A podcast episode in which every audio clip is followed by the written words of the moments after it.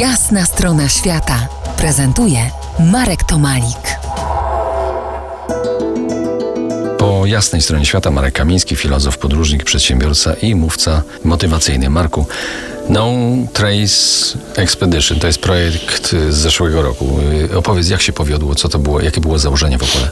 Znaczy to był taki, to, to naprawdę to, to zrobiłem takie dwa prequele, można powiedzieć, wyprawy, e, tej, tej takiej właściwej wyprawy. E, No Trace, a mianowicie zrobiłem taką wyprawę No Trace Tatra najpierw, to była wyprawa wokół Tatr, piesza. Chodziło o to, żeby obejść Tatry jakby mając jak najmniejszy impact na środowisko. To była taka próbna wyprawa przed wyprawą No Trace do Japonii, kiedy samochodem elektrycznym Nissanem Leafem pojechałem do Japonii i z powrotem. Przejechałem 30 tysięcy kilometrów, zero, zero emisyjnych kilometrów, przez 9 krajów, trwało 144 dni. Miałem, nie chodziło tylko w sumie o ten samochód elektryczny, ale w ogóle o to, żeby jakby pozostawiać ze sobą jak najmniej śmieci, a najlepiej w ogóle.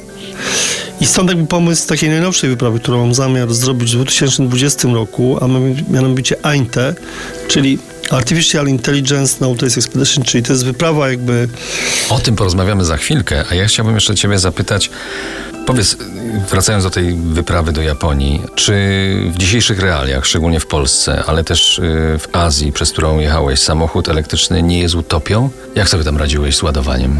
Nie, no w ogóle to, to właśnie utopią jest paliwo, dlatego że elektryczność jest prawie wszędzie w, obecnym, w obecnych czasach. Gniazdka elektryczne są prawie wszędzie i wszędzie można naładować, naładować e, samochód, natomiast jakby to paliwo właśnie jest ograniczeniem, więc jakby paradoksalnie samochód elektryczny daje wolność po prostu. Właśnie przez to, że ten prąd jest wszędzie, to nie jest takie może ważne, że dłużej się ładuje, prawda, że zamiast też e, ten sam, samochód elektryczny daje, daje możliwość takiego, e, tak jak jest slow food, to można jest powiedzieć slow travel, tak, że daje możliwość takiego slow travel, przez co bardziej wchodzi się tak naprawdę w interakcję ze światem i, i z ludźmi, którzy nas otaczają i z, z naturą, z przestrzenią, więc to zwolnienie właśnie, to, że nie trzeba tak pędzić, że, że trzeba się zatrzymać na 12 godzin i ładować się samochód, daje, daje właśnie taki komfort smakowania tego świata.